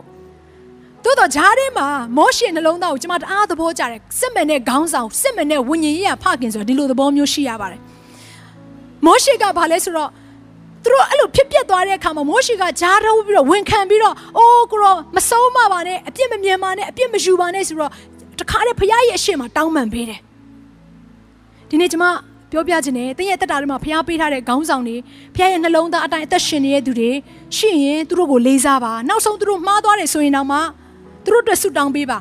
တွားရောက်ပြီးတော့အပြစ်တင်တဲ့အရာတွေလက်ထိုးခံတဲ့အရာတွေတင်မလုပ်ပါနဲ့တင်းရဲ့တက်တာတွေမှာကောင်းကြီးခံစားရဖို့ရန်အတွက်ကျွန်မအဲတိုက်တွန်းဝင်ငါခြင်းဖြစ်တယ်။နောက်ထပ်တစ်ယောက်ကိုဗမာတွေ့ရတယ်လေဆိုလို့ရှိရင်နောက်ထပ်တစ်ခုပေါ့အခုကျွန်မပြောနေရကတောလီယာ7နှစ်တောလီယာ16ကိုရောက်လာတဲ့အခါမှာကောရဒါသန်အဘိယံဆိုပြီးတော့နော်လူ3ယောက်ရှိတယ်။ဒီလူ3ယောက်ကဘသူ့ကိုပုံကန်လဲဆိုတော့မောရှေနဲ့အာယုံကိုပုံကန်တယ်။ဘလို့ပုံကန်တယ်လဲဆိုလို့ရှိရင် အခုမောရှေနဲ့အာယုံဥဆောင်နေတာကိုသဘောမကျတဲ့အတွက်ကြောင့်မလို့အဲ့တော့နောက်တစ်ခုကိုဗမာတွေ့ရတယ်လေဆိုလို့ရှိရင်တောလီယာဆက်ခွန်မှာလဲတွေ့ရတယ်အဲ့တော့ဣသေလခေါင်းဆောင်နော်သူ12မျိုးရှိတာဟုတ်တခါတည်းအာယုံကိုမယုံမသေးပြုတဲ့ပုံစံတွေနဲ့လှုပ်ဆောင်ကြတဲ့အခါမှာဖခင်ကဘာလုပ်လဲဆိုလို့ရှိရင်လှန်တန်တွေအားလုံးကဲမင်းတို့12နွယ်ရှင်အဲ့12နွယ်လှန်တန်တွေအားလုံးယူလာအာယုံရဲ့လှန်တန်ပေါ်မှာလဲအာယုံရဲ့လှန်တန်ဖြစ်ကြောင်းကို ဒီလေဝိရဲ့လှန်တန်အာယုံရဲ့လှန်တန်ပေါ်မှာအာယုံဆွဲနာမည်ကိုရေးပြီးတော့ငါရဲ့တဲတော်တဲကိုယူလာပြီးတော့တော့ငါရှင်းမောက်မှာချထားပါလို့ပြောတယ်တခါတည်းပြောပြီးတော့အဲ့အချိန်မှာဘာဖြစ်လာလဲဆိုအာရွက်လှန်တဲ့ဟာတဲ့အသီးသီးတယ်အပွင့်ပွင့်တယ်အရွက်တွေလည်းထွက်လာပြီးတော့တအားကိုလှပစွာနဲ့၆သွေးနေတဲ့ဒီလန်ဒန်ဒုတ်ချောင်းကြီးကနေပြီးတော့အသက်ပြန်ရှင်တဲ့အရာကိုမြင်တဲ့အခါကျမှပဲဘာဖြစ်သွားတယ်လဲဆိုလို့ရှိရင်အခုတော့သူ့ကိုရှင်ပြိုင်ပြီးတော့တစ်ချိန်လုံးအပြစ်တင်နေတဲ့သူတွေအားလုံးရဲ့နှုတ်ရှာပါးစဟာငြိမ်သွားတယ်တဲ့ အဲ့တော့ဒီနေ့ဘုရားသခင်ကသူ့ရဲ့လူတွေကိုတန်ဖိုးထားတယ်ဒါကြောင့်မလို့သင်အနေနဲ့ဘုရားသခင်တင့်ကိုပေးထားတဲ့ဘုရားရဲ့ခေါင်းဆောင်တွေကိုတန်ဖိုးထားဖို့ရတဲ့ကျွန်မအားပေးခြင်းတယ်ကောင်းကြီးမင်္ဂလာခံစားရတဲ့အသက်တာဖြစ်ခြင်းနဲ့ဆိုရင်တာ၍တိုးပွားတဲ့အသက်တာဘုရားခင်ချီးမြှောက်လို့ရတဲ့အသက်တာဖြစ်ဖို့ရတဲ့တင့်ကိုဘုရားခင်ပေးထားတဲ့ခေါင်းဆောင်တွေကိုတန်ဖိုးထားစေခြင်းနဲ့ဒါကတော့ဓမ္မဟောင်းထဲမှာဖြစ်ပျက်ခဲ့တဲ့အရာပေါ့ဓမ္မသစ်ထဲမှာလည်းအဖြစ်ပျက်တစ်ခုဖြစ်တယ်အဲ့ဒါကဘာလဲဆိုရှင်ပေါလုတမန်တော်ခန်းကြီး78အခန်းငယ်1ကနေ6ကိုကြည့်လိုက်မယ်ဆိုရင် ရှင်ပေါလုကအသက်တာပြောင်းလဲပြီးတဲ့နောက်ပိုင်းမှာသူကအာဘာလုပ်လဲဆိုလို့ရှိရင်တဲရှင်ကိုချုပ်ပြီးတော့နော်တဲရှင်ကိုအလုတ်လုတ်ပြီးတော့တနည်းအားဖြင့်ချုပ်ပြီးတော့အလုတ်လုတ်ပြီးတော့ရလာတဲ့ငွေနဲ့သူဟာအမှုတော်ဆောင်တဲ့သူတယောက်ဖြစ်တယ်အဲ့ဒီချိန်တော့ကဒါတမန်တော်78အချိန်တော့ကပေါ့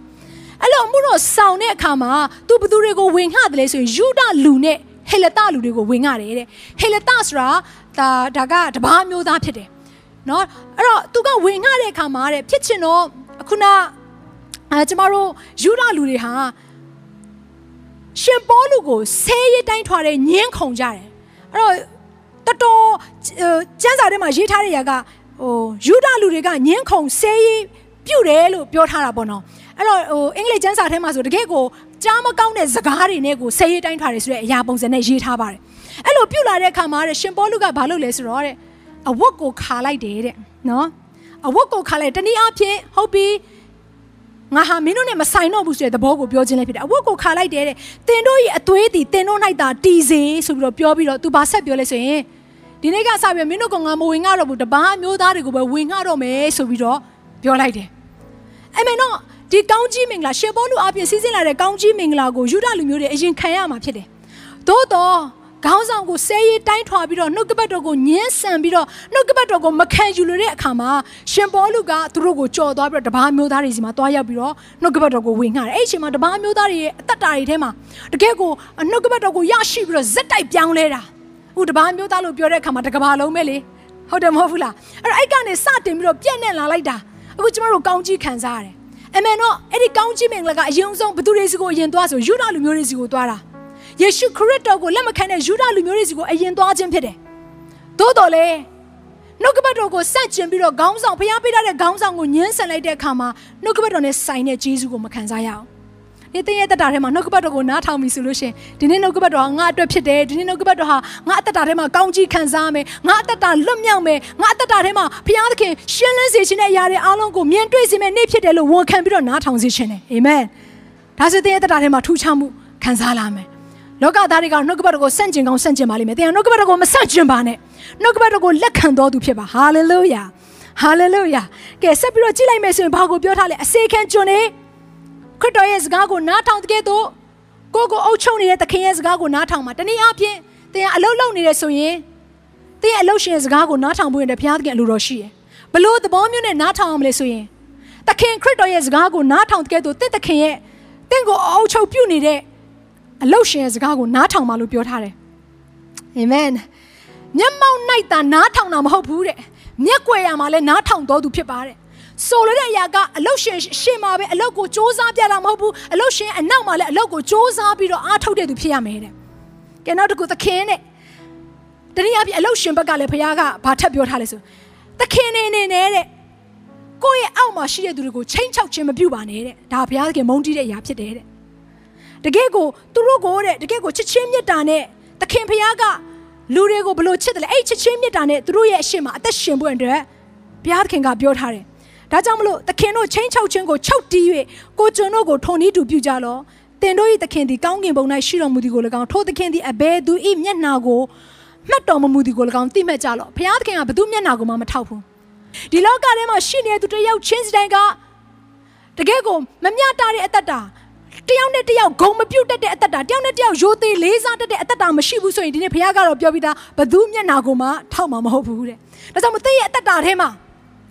အာမင်ဘုရားသခင်ရဲ့ကောင်းကင်နိုင်ငံတော်နဲ့ဆိုင်တဲ့ဒီဒီဘုရားလှုပ်စေခြင်းနဲ့ခရစ်တော်ရဲ့စိတ်သဘောကိုလှုပ်ဆောင်ဖို့ရတဲ့ဖြစ်တယ်ဟာလေလုယာအဲ့တော့ဒီညမှာ honor လို့ပြောတဲ့အခါမှာဟေပြဲကျမ်းစကားအရပြောမယ်ဆို honor ရဲ့အဓိပ္ပာယ်က weight down တနည်းအားဖြင့်လေးလံခြင်းဖြစ်တယ်ဘောက်လို့တနည်းအားဖြင့်ရိုသေရိုအသေးပေးတက်ခြင်းဖြစ်တယ်တနည်းအားဖြင့်မာနကြီးခြင်းမဟုတ်ဘူးအာမင်ဒါကြောင့်မလို့ဘာဖြစ်လို့သူတစ်ပါးကိုဂုံမပြုတ်နိုင်တယ်လဲဘာဖြစ်လို့သူတစ်ပါးကိုမလေးစားတတ်တယ်လဲဆိုရင်မာနကြီးနေလို့ဖြစ်တယ်ငါကသူ့ထက်ကောင်းတယ်ငါကသူ့ထက်တာတယ်ဆိုရင်နှလုံးသားရှိနေသည်၍ကျမတို့ရဲ့အသက်တာထဲမှာသူတစ်ပါးကိုလေးစားတတ်ခြင်းဆိုတာဘယ်တော့မှမရှိလာပါဘူးအဲ့တော့တင်းနေနဲ့ သူတစ်ပါးကိုလေးစားတတ်တဲ့အရာကောင်းကင်နိုင်ငံတော်ရဲ့ရည်ကျင်းမှုကိုတည်ဆောင်ခြင်းနဲ့ဆိုရင်တင့်အထဲထဲမှာရှိရဲ့မာနကိုအယုံဆုံးခွာချထားဖို့လိုအပ်တယ်။တင့်ရဲ့တတထဲမှာရှိရဲ့ဘုရားသခင်မနစ်သက်တဲ့ထိုမာနတရားကိုဖယ်ရှားဖို့ရတဲ့ပြင်ဆင်ပါ။ဘုရားသခင်မာနကြီးသောသူကိုနှိမ်ချပြီးတော့နှိမ်ချတဲ့သူကိုဘုရားသခင်ချီးမြှောက်တဲ့ဘုရားရှင်ဖြစ်တယ်။အာမင်။အဲ့တော့ဆက်ပြီးတော့ကြည့်မယ်ဆိုရင်ဇနီးမောင်နဲ့ခင်မွန်းဒီဒီဇနီးမောင်နဲ့နှစ်ယောက်နှစ်ယောက်ကြားမှာပေါ့ခင်မွန်းနဲ့ဇနီးတဲ့ရဲ့ကြားထဲမှာလည်းတယောက်နဲ့တယောက် ဘလို့ပုံစံနဲ့သွားလာမယ်ဆိုတယောက်နဲ့တယောက်လေးစားခြင်းနဲ့သွားလာမယ်လို့အိပက်ကဲကြီးငါအခင်းငယ်21ထဲမှာပြောထားပြန်တယ်အဲ့တော့လေးစားတယ်လို့ပြောတဲ့အခါမှာလောကရဲ့နိယာမကတော့ခင်မွန်းတယ်ကိုပဲတခါတည်းဥထိတ်ထားရမယ်ဆိုတဲ့ပုံစံနဲ့သွားကောင်းသွားပါလိမ့်မယ်သို့တော့အိပက်ကဲကြီးငါအခင်းငယ်21ထဲမှာဗာပြောထားလဲဆိုလို့ရှိရင်အချင်းခရစ်တော်ကိုခန့်ညာသောအပြင်အချင်းချင်းတယောက်အောက်တယောက်ကိုကိုနှိတ်ချလည်နေကြတော့တယ်ဟာလေလုယာ ခရစ်တော်ကိုတကယ်လေးစားလားခရစ်တော်ကိုတကယ်ဂုဏ်ပြုလားကောင်းကင်နိုင်ငံတော်ရဲ့အလေးအလာကိုသင်တကယ်ကျင့်သုံးခြင်းလားအဲ့တော့ကျမ်းစာကဘာပြောထားလဲဆိုခင်မွန်းတင်တဲ့ဇနီးတဲ့နှစ်ယောက်ရဲ့ကြားမှာတယောက်နဲ့တယောက်နှိမ်ချတဲ့သဘောရှိရမယ်ငါကယောက်ျားဖြစ်လို့မြင့်မြတ်သွားတာမဟုတ်ဘူးငါကမိန်းမဖြစ်လို့နှိမ်ချသွားတာမဟုတ်ဘူးခရစ်တော်ရဲ့အထက်မှာယောက်ျားမရှိမိန်းမမရှိဟေလတလူမရှိဟာလေလုယာတလုံးတဝရဖြစ်တယ်လို့နှုတ်ကပတ်တော်ထဲမှာဖော်ပြထားတယ်ငါဆက်ပြီးတော့ကြည့်လိုက်မယ်ဆိုရင် မိတ်ဆွေအချင်းချင်းကိုလည်းဂုံပြုလေးစားတက်ဖွင့်တယ်လိုအပ်တယ်တယောက်ကကောင်းစားတဲ့ခါမှာတယောက်ကမနာလို့ဖြစ်တယ်ဆိုတဲ့အရာကလောကထဲမှာလူတိုင်းကျင့်သုံးနေတဲ့အရာဖြစ်တယ်သို့တော့ခရစ်တော်ရဲ့စိတ်တော်ကတော့ဘယ်လိုပြောထားလဲဆိုယောမအခန်းကြီး7နှစ်အခန်းငယ်30ထဲမှာညီအကိုချစ်ချင်းအရာမှာပဂတိပေါက်ဖော်ကဲ့သို့တယောက်ကိုတယောက်စုံမက်ကြလို့ချီးမွမ်းခြင်းအရာမှာသူတစ်ပါးကိုကိုထက်မြောက်ကြလို့တယ်အင်္ဂလိပ်ကျမ်းစာအရပြောမယ်ဆိုရင်တော့ try to outdo yourselves in respect and honor of one another အဲ့တော့အင်္ဂလိပ်ကျမ်းစာထဲမှာတော့သူပြောထားတဲ့အရာကရိုသေလေးစားဂုံပြုတ်တက်ခြင်းလို့ပြောထားပေမဲ့နော်မြန်မာကျမ်းစာထဲမှာကျတော့သူတစ်ပါးကိုကိုယ်ထက်မြောက်လိုက်ပါတဲ့တနည်းအားဖြင့်ကိုဘေးနားမှာရှိတဲ့သူကကိုထက်သားပြီးကောင်းမြတ်တယ်ဆိုတဲ့အတွေးခေါ်ကြီးနဲ့သူတစ်ပါးကိုချီးမွမ်းကြည့်လိုက်ပါတဲ့ရိတ်ရိတ်ရော်ရော်ချီးမွမ်းခြင်းကိုပေးလိုက်ပါဆိုတဲ့သဘောဖြစ်တယ်ဒါကြောင့်မို့ဒါကယုံကြည်သူတွေတယောက်ချင်းတိုင်းလုပ်ရမယ့်အရာဖြစ်တယ် စိတ်နှလုံးထဲကမပါဘူးဆိုရင်တော့ဖခင်ပြောထားတဲ့အတိုင်းပေါ့သင်တို့ရဲ့နှုတ်ကနော်ငါ့ကိုချီးမွမ်းပေမဲ့ဂုဏ်ပြုကြပေမဲ့သင်တို့ကနှလုံးကငါနဲ့ဝေးတယ်ဆိုတဲ့အရာမဖြစ်ဖို့လဲလိုပါတယ်ဖာရိရှဲတွေလိုမဖြစ်ဖို့တဲ့အတွက်လဲလိုအပ်တယ်ဖာရိရှဲတွေကတော့နှုတ်ကနေပြီးတော့ကောင်းသောစကားတွေကိုပြောတတ်ပေမဲ့စိတ်နှလုံးကထုံးဖြူတုတ်ထားတဲ့အောက်ကူတွေလိုပဲမလောက်ပါတဲ့အခြေအနေတွေရှိကြတယ်ဒါကြောင့်မလို့ကျမတို့အသက်တာကိုဘုရားသခင်လှပတဲ့အသက်တာမှုကြိုင်တဲ့အသက်တာဖြစ်စေဖို့နဲ့ပြုပြင်တဲ့အခါမှာအမြဲတမ်းတတိယစေခြင်းနဲ့စိတ်နှလုံးကနေဘုရားသခင်ကို ဂုံပြုချီးမွမ်းတတ်တော်သူဖြစ်ပါအဲ့တော့စိတ်နှလုံးထဲကနေဘုရားသခင်ကိုဘယ်လိုဂုဏ်ပြုချီးမွမ်းမလဲကိုဘေးနားမှာရှိနေညီကောင်မတယောက်ချင်းစီတိုင်းဆင်းရဲသည်ဖြစ်စေကောင်းစားသည်ဖြစ်စေအာမင်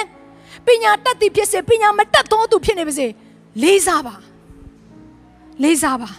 ကျမတို့ရဲ့နှုတ်ရှာပါဇက်ကနေလေးစားခြင်းကိုပြုလို့ရတော့နှလုံးသားတွေကလည်းလေးစားမယ်ကျမတို့ရဲ့အမှုရအဖြစ်လည်းလေးစားခြင်းကိုပေးလို့ရတယ်ဒါကြောင့်မလို့ Facebook ပေါ်မှာကျမတို့တစ်ခါတလေတင်တဲ့အရာတွေသတိထားကြပါ ကျမတို့တစ်ခါတလေစိတ်ရှိတိုင်းသာရေးလိုက်တာအဲ့ဒီအားလုံးကိုဘုရားကကြည်နေပါတယ်ဘုရားသခင်ကကျမတို့လှုပ်ရှားမှုရာတစ်ခုချင်းစီတိုင်းကိုတတိနဲ့ကြည့်ရှုတယ်လို့ကျမ်းစာထဲမှာရေးထားတယ်ကျွန်တော် Facebook ထဲမှာရေးပြီးတော့တစ်ဖက်လူကိုပုံကန်တဲ့အရာတစ်ဖက်လူကိုနှိမ်ကျသွားစေတဲ့အရာတွေရှိတယ်ဆိုရင်ဒီအရာကဂုံပြုတ်ခြင်းမဟုတ်ဘူးချီးမြှောက်ခြင်းမဟုတ်ဘူးဘုရားသခင်ယဉ်ကျေးမှုမဟုတ်ဘူးအာမင်နောက်တစ်ခုကတော့ဗာလဲဆိုလို့ရှိရင်ကျမတို့ကိုအုပ်ချုပ်သောသူတွေကို ဂုံပြုတ်တက်ဖို့ရန်အတွက်ဖြစ်တယ်အဲ့တော့တမန်တော်ထဲမှာဗာပြောထားလေဆိုလို့ရှိရင်ရှင်ပေါလုဟာတဲ့ထောင်ချခံရပြီးတော့အကျဉ်းချခံရတဲ့အခါမှာသူ့စီကို Pelis Min လို့ခေါ်တဲ့နော်တကယ်အုပ်ချုပ်တဲ့သူပေါ့ရှင်ပေါလုကနေပြီးတော့ထောင်ထဲကနေထွက်ချင်သူ့ကိုငွေပေးပြီးတော့ထွက်လို့ရဖို့ရန်အတွက်ရှင်ပေါလုကိုနော်ဒါကဟိုတနည်းအားဖြင့်အာလက်ထိုးလက်ထိုးစီခြင်းတဲ့သဘောအနေနဲ့ဒီဘယင်က တနည်းအားဖြင့်တစိုးစားတဲ့ဘယင်ဖြစ်တယ်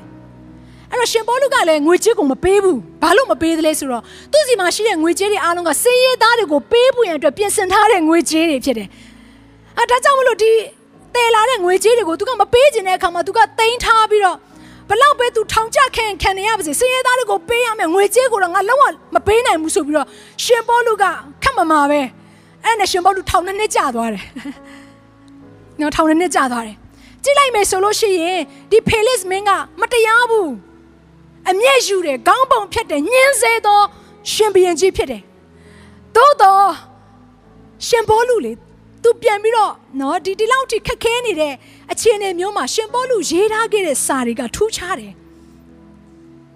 သူ့ကိုညှင်းဆဲရိုက်ပုတ်ထောင်ချတကယ်ကိုဒုက္ခရအောင်လုပ်ခဲ့တဲ့ဒီလိုမျိုးမင်းကိုနော် ရှင်ပေါလုဘယ်လိုပြောခဲ့လဲသိလားရှင်ပေါလုဟာအဲတကယ့်ကိုချစ်စရာကောင်းတဲ့သူတစ်ယောက်ဖြစ်တယ်เนาะဒီမှာသူရေးခဲ့တဲ့နှုတ်ကပတ်တော်လေးကိုကျွန်မဖတ်ချင်တာပါယောမ73တစ်ထဲမှာအစိုးရသောမင်းအာဏာစက်၏အုပ်စိုးခြင်းကိုလူတိုင်းဝန်ခံစေအကြောင်းမူကားဘုရားသခင်၏အခွင့်မရှိလင်မင်းအာဏာစက်မရှိအာဏာစက်ရှိသည်များသည်ဘုရားသခင်ခံထားတော်မူရာဖြစ်သည်ဆိုသောမင်းဖြစ်ပါစေကောင်းသောမင်းဖြစ်ပါစေတဲ့ရှင်ဘောလူပြောတာနော် မင်းအာဏာစက်ရဲ့အုပ်စိုးခြင်းကိုဝန်ခံဖို့ရန်အတွက်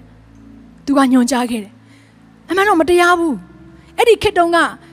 ယောယောမစစ်သားတွေကဘလောက်ထိသူတို့ကိုညှင်းဆဲလဲဆိုလို့ရှိရင်80 90လောက်ကပေါ့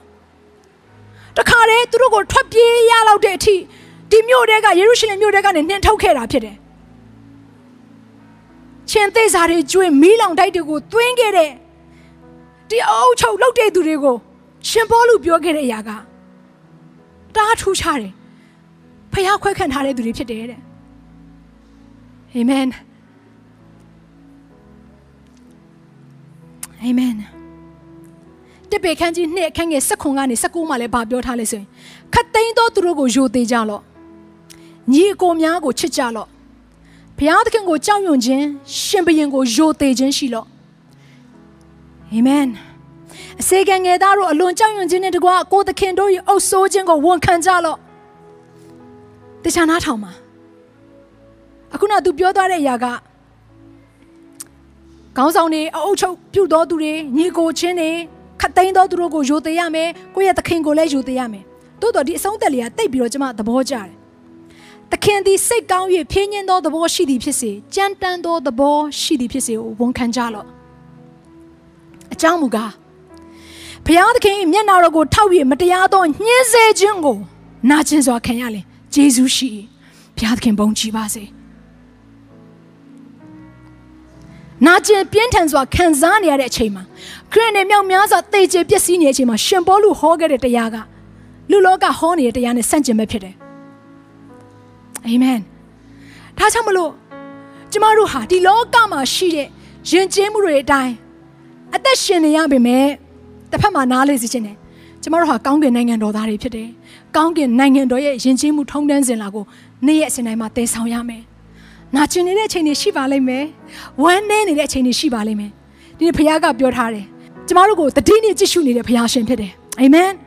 ။နာကျင်စွာခံစားနေရတဲ့အချိန်မှာဘုရားခင်ကဘာပြောလဲဆိုတော့သူကျေးဇူးပြန်ပြုမယ်တဲ့။ကျမတို့မျက်ရည်ကိုမြင်သောဘုရားရှင်ဖြစ်တယ်။ကျမတို့မျက်ရည်ကိုဘူးတော်ထဲမှာတိုးထားတဲ့ဘုရားရှင်ဖြစ်တယ်။ကောင်းမြတ်သောဖခင်ဖြစ်တယ်။အာမင်။ဒါကြောင့်သင်ရဲ့အသက်တာထဲမှာဒီနေ့ ထိုကောင်းကင်နိုင်ငံတော်နဲ့ဆိုင်တဲ့ယဉ်ကျေးမှုကိုဖော်ပြခြင်းနဲ့ဆိုရင်အချင်းချင်းတယောက်နဲ့တယောက်ဂုံပြုလေးစားတတ်တော်သူဖြစ်ပါခေါင်းဆောင်တွေကိုဂုံပြုလေးစားတတ်တော်သူဖြစ်ပါဆင်းရဲသောသူတွေလူတွေလစ်လူရှုထားတဲ့သူတွေကိုဂုံပြုလေးစားတတ်တော်သူဖြစ်ပါကိုကိုအုပ်ချုပ်ဖျားခင်ခွဲကန်ထားတဲ့သူတွေကိုဂုံပြုလေးစားတတ်တော်သူဖြစ်ပါအဲ့ဒါကကောင်းကင်နိုင်ငံတော်ရဲ့ဒလိထုံတန်းစင်လာပဲဖြစ်တယ်ဒါကြောင့်မို့ဒီချိန်မှာ ကျွန်မအားပေးခြင်းနဲ့ဘုရားသခင်ကိုဂုဏ်ပြုတယ်လို့ပြောတဲ့အခါမှာကျမ်းစာဖတ်ခြင်း worship လုပ်ခြင်းတခုတည်းမဟုတ်ဘူးကိုအနီးနားမှာရှိနေတဲ့ကိုကိုဘုရားသခင်တွေ့ကြုံစီနေတဲ့လူတိုင်းကိုဂုဏ်ပြုလိုက်ပါဒီຢာကဘုရားသခင်ကိုဂုဏ်ပြုခြင်းဖြစ်ပါတယ်အာမင်ဒါကြောင့်မလို့အခုချိန်မှာကျွန်တော်နှလုံးသားကိုစမ်းစစ်ရအောင်အဲ့တော့နှုတ်ကပတ်တော်ကိုနားထောင်တဲ့အခါမှာကျမတို့လုပ်ရတဲ့အရာတစ်ခုက ကိုယ်တိုင်လိုက်လျှောက်ခြင်းဖြစ်တယ်ခွန်အားရရုံမဟုတ်ဘူးမှန်ပါတယ်နှုတ်ကပတ်တော်ကခွန်အားပေးတဲ့အရာတွေရှိတယ်နှုတ်ကပတ်တော်ကကျမတို့အနာကိုစီးပေးတဲ့အရာလိုမျိုးတက်တာစီတဲ့အရာတွေရှိတယ်သို့တော်တခါတည်းနှုတ်ကပတ်တော်ကကျမတို့အသက်တာထဲမှာတန့်ရှင်းဖို့ရန်အတွက်ထိုသခင်ရဲ့အာပါရမီအတိုင်းကျမတို့မှီနိုင်ဖို့ရန်အတွက်တန့်ရှင်းခြင်းအတိုင်းမှီနိုင်ဖို့ရန်အတွက်ကျမတို့ကိုဘုရားသခင်ကပြုပြင်ပေးနေတဲ့အရာလေးဖြစ်ပါတယ်။ ဒါကြောင့်မနှုတ်ကပတ်တော်ကိုခံယူတဲ့အခါမှာကိုကိုကိုစစ်ဆေးဖို့ရန်အတွက်ကျွန်မအားပေးခြင်းနဲ့ဒီချိန်မှာကျွန်တော်စစ်ဆေးရအောင်။ဒီနေ့ကျွန်မပြောသွားတဲ့နှုတ်ကပတ်တော်တွေထဲမှာတင့်ကိုဘယ်အရာကဘုရားသခင်စကားပြောလိုက်ပြီလဲ။ဘယ်အရာနဲ့ဘုရားသခင်တင့်ကိုတုံတင်လိုက်ပြီလဲ။ဘုရားရဲ့အရှိမပြန်ဝန်ခံလိုက်ပါကိုရောကျွန်တော်မှားသွားတယ်။ကျွန်မမှားသွားတယ်။တခါတလေခက်ခဲခြင်းတွေနာကျင်ခြင်းတွေရှိလာတဲ့အခါမှာမမျှတမှုတွေရှိလာတဲ့အခါမှာ ကိုရောကိုဂုံပြုတ်ဖို့အတွက်မိသွားပါတယ်ကိုရောကိုရောခွင့်လွတ်ပါကိုရောခွင့်လွတ်ပါဆိုပြီးတော့ကျွန်တော်နှလုံးသားအကျွမ်းမဲ့နဲ့ဝန်ခံဖို့အတွက်ဖြစ်တယ်ဒါကြောင့်မလို့အားလုံးကျမတို့ရှိတဲ့နေရာကနေပြီးတော့ဘုရားကိုတခြင်းတပုတ်အပြင်ဂုံပြုမယ်ဒီခြင်းကိုစုံနေတဲ့အခါမှာကိုယ့်ရဲ့အဖြစ်တွေကိုနောင်တရပြီးတော့ဘုရားရှိခိုးဝန်ခံပြီးတော့ကိုရောအခုကျွန်တော်သွားရတဲ့အနာဂတ်ခီလမ်းမှာကိုရောကိုဂုံပြုခြင်းနဲ့ကျွန်တော်သွားနိုင်ဖို့အတွက်ကုညီပါဆိုပြီးတော့ ဘုရားကိုစကားပြောစီခြင်းနဲ့အာမင်ဒါကြောင့်မလို့အားလုံးအတူတူကဘုရားသခင်ကိုအခုချိန်မှာတော့တခြင်းအပြင်ဂုဏ်ပြုကြရအောင်အာမင်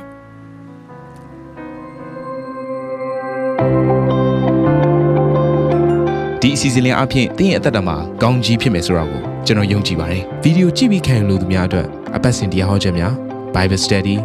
ကြီးမွန်ကိုယ်ွယ်ခြင်းနဲ့အခြားသောအကြောင်းအရာတွေဟာတင်းအတွက်အဆင်သင့်ရှိနေပါတယ် YouTube မှာ The City Space TV လို့ရိုက်ထည့်လိုက်တဲ့အခါကျွန်တော်တို့ကိုတွေ့ရှိမှာဖြစ်ပါတယ် Subscribe လုပ်ခြင်းအပြင်တင်းနဲ့ထက်ချက်မကွာအမြင်ရှိနေပါပါဒါအပြင် Facebook မှာလည်း The City ရန်ကုန်လို့ရိုက်ထည့်လိုက်တဲ့အခါတည်အချက်အလက်နဲ့ poster တွေကိုအချိန်နဲ့တပြေးညီတွေ့ရှိအောင်မှာဖြစ်ပါတယ်ခင်ဗျာ The City Podcast ကိုနားထောင်သူတိုင်းဖခင်သခင်ရဲ့ထူကြသောဖွင့်ပြချက်နဲ့ကောင်းကြီးမင်္ဂလာများခံစားရမိကြောင်းကျွန်တော်ဆုတောင်းရင်ဤစီစဉ်လေးကိုဒီမှာပဲညှိနှိုင်းပါရစေခင်ဗျာ